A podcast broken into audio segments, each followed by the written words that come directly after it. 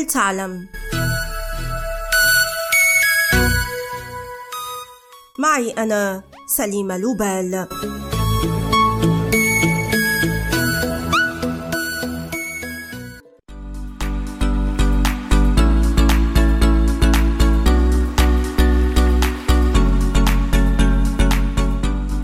يمكن تذوق أغلى شربة في العالم وفق مجلة فوربس في لاس فيغاس الأمريكية.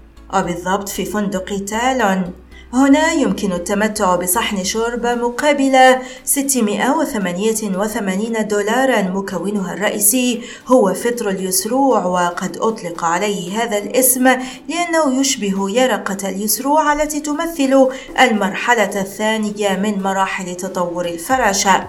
تبدو الشوربة مثل الشاي الأسود إذ يتم تحضيرها بصدر الدجاج الأسود وهو نوع نادر جدا يصل سعر القطعة الواحدة منه إلى 600 دولار بالإضافة إلى التمر الأحمر وفاكهة اللونشان الآسيوية التي تنمو في جنوب الصين وجنوب شرق آسيا. وأما المكون الرئيسي وهو الفطر فينمو في جبال الهيمالايا ويباع مقابل 14 ألف دولار ويعد هذا الفطر الأغلى في العالم. بسبب خصائصه العلاجية الطبيعية سواء في علاج السرطان أو مقاومة الشيخوخة. وأما ثاني أغلى شوربة في العالم فهي شوربة بوذا وتخصص في تقديمها منذ سنوات مطعم كاي مايفير الصيني في لندن.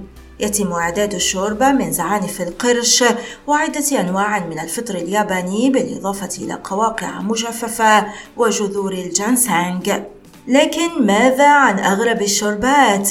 يتناول المكسيكيون شوربة مينودو المحضرة بفوارغ البقر وتغمس فيها قطع التورتية عند التقديم. وفي تنزانيا اعتاد أفراد شعب شاغا على شوربة كيبورو التي تحضر بالموز الحلو والفول والقليل من الفضلات. وبعد الطهي تضاف لها بعض أغصان الأشجار. وفي الصين تعتبر شوربة عشاش الطيور أغلى شوربة إذ يصل سعر الصحن الواحد إلى 100 دولار بالإضافة إلى شوربة مشيمة الغزلان التي تتميز بها مدينة شانغهاي وشوربة النمر التي يعتقد أن لها مفعولا شبيها بالمقويات الجنسية ويصل سعر الصحن منها إلى 400 دولار. وأما اليابانيون فيعشقون تناول شوربة بيض سمك القد وتبدو في شكلها النهائي مثل الكريمة الإنجليزية.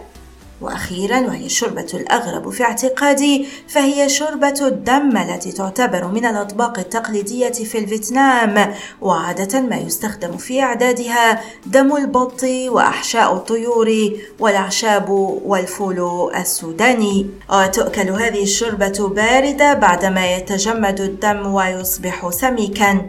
لا أتوقع أبدا مثلكم أن أستطيع يوما تجربة هذه الشربات لكني أتذكر أني صعقت يوما ما لتناول حلوى مصنوعة من السمك صدقوني من السمك في العاصمة التايوانية تايبي ماذا عنكم؟ ما هي الأطباق الغريبة التي سبق وأن تذوقتموها؟